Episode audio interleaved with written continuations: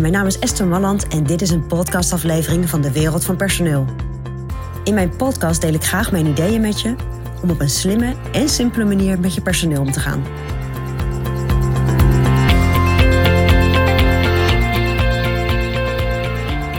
Ja, vandaag wil ik het met je hebben over hoe je contact kunt houden met een zieke medewerker. En nou, op het moment dat een medewerker zich bij jou ziek meldt, dan bespreek je de gebruikelijke dingen die je bespreekt met iemand die zich ziek meldt.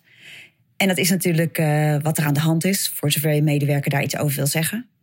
Maar ook uh, hoe lang verwacht je afwezig te blijven? Zijn er nog zaken die je over moet dragen? Of moet ik nog ergens aan denken? Of moet ik nog iets overnemen? En aan het eind van het gesprek, dan rond je af. En wat je dan meestal doet, is aangeven dat je binnenkort weer contact hebt.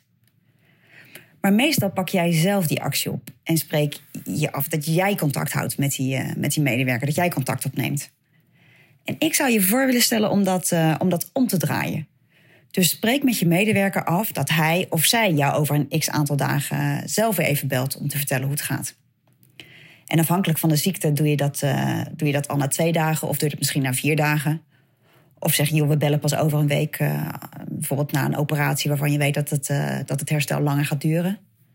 Maar leg in ieder geval de verantwoordelijkheid om jou op de hoogte te houden bij de medewerker neer.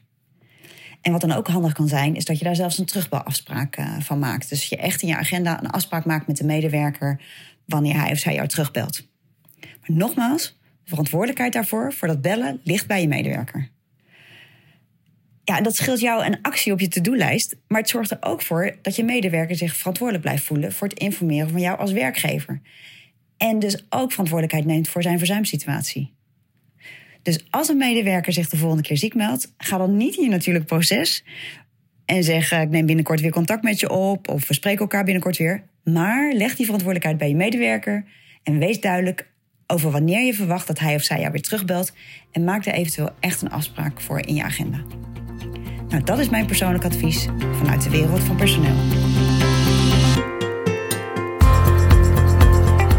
Wil je ontwikkelingen in de wereld van personeel blijven volgen?